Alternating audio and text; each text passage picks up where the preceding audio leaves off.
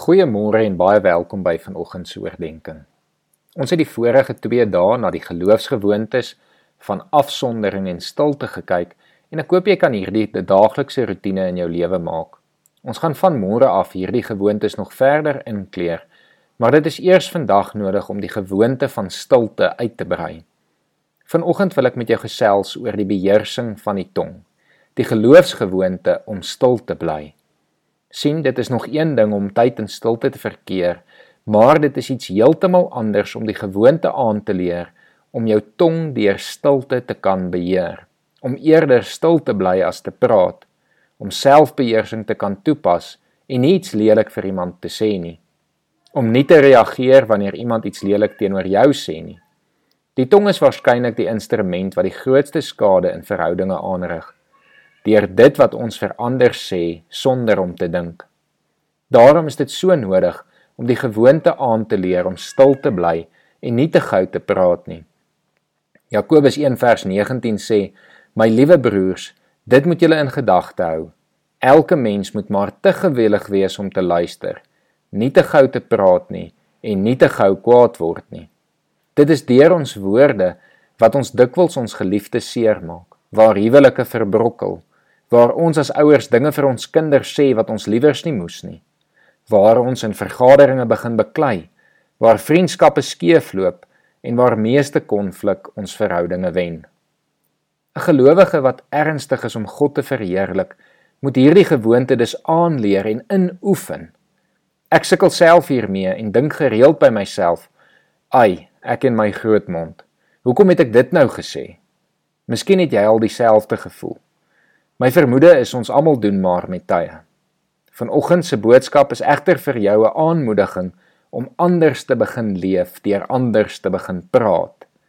Ek het aan die begin van ons geloofsgewoontes gesê die idee van hierdie gewoontes is om ons te help om anders te begin leef en sodoende God se koninkryk te herontdek as 'n realiteit in ons lewens. Een van die belangrikste plekke waar hierdie moet gebeur is deur ons woorde. Ons as gelowiges moet anders begin praat, moet minder begin praat. Ek wil vanoggend vir ons verder uit Jakobus 3 lees en wil jou vra om te luister wat hy vir ons leer oor hierdie gewoonte van stil bly. Jakobus 3 vanaf vers 1.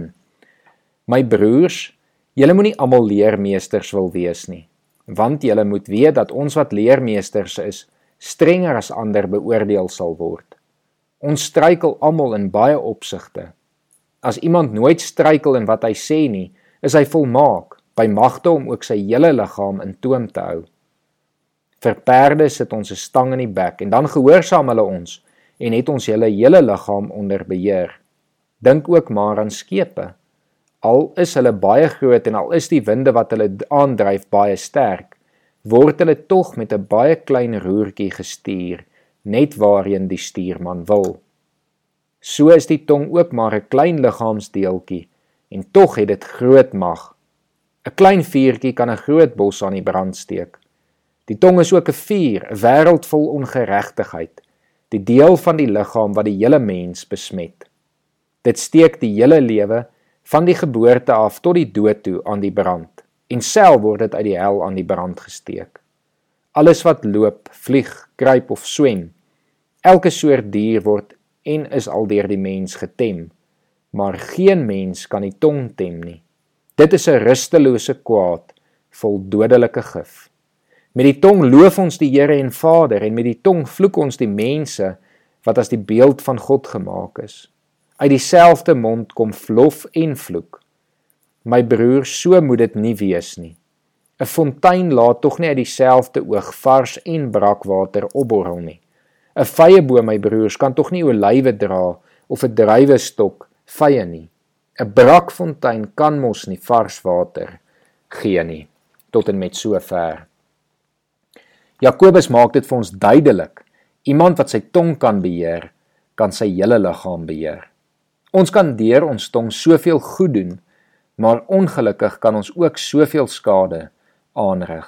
Daarom moet ons leer om ons tong te beheer. Ons moet dit 'n geloofsgewoonte maak om eerder stil te bly. En dit kan ons alleenlik doen deur ons tong onder beheer van die Heilige Gees te plaas. Ek wil jou aanmoedig om vandag te begin kyk of jy minder kan praat. Om wanneer jy praat werklik opbouend teenoor ander te praat en mag jou woorde dan 'n seën vir die wat na jou luister wees. Efesiërs 4 vers 29 stel dit vir my mooi. Praat net wat goed en opbouend is sodat dit julle hoorders ten goeie kan wees. Kolossense 4 vers 6 sluit hierby aan wanneer dit sê wat julle sê moet altyd vriendelik wees en van goeie smaak getuig.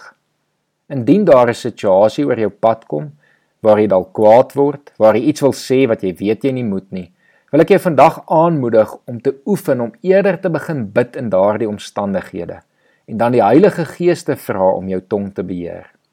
Ek wens elkeen van julle sterkte hiermee toe en mag hierdie gewoonte vir elkeen van julle nog baie seën bring. Kom ons bid saam. Here, ons kom bely vanoggend dat ons net soos die eerste gelowiges nog baie met ons tonge sukkel. Here, daar kom by ons mond ook seën en vloek uit. Maar Here, ons wil dit verander. Ons wil anders begin leef en ons wil anders begin praat. Ons wil hê ons woorde moet opbouend wees vir ons geliefdes en aan mense wat na ons luister. Here, ons weet ons sal dit nooit self kan regkry nie. Maar daarom kom vra ons dat U van ons tonge vanoggend beheer sal neem en dat U deur U Gees ons sal help en sal lei in alles wat ons sê. Ons bid dit in Jesus Christus se naam alleen. Amen.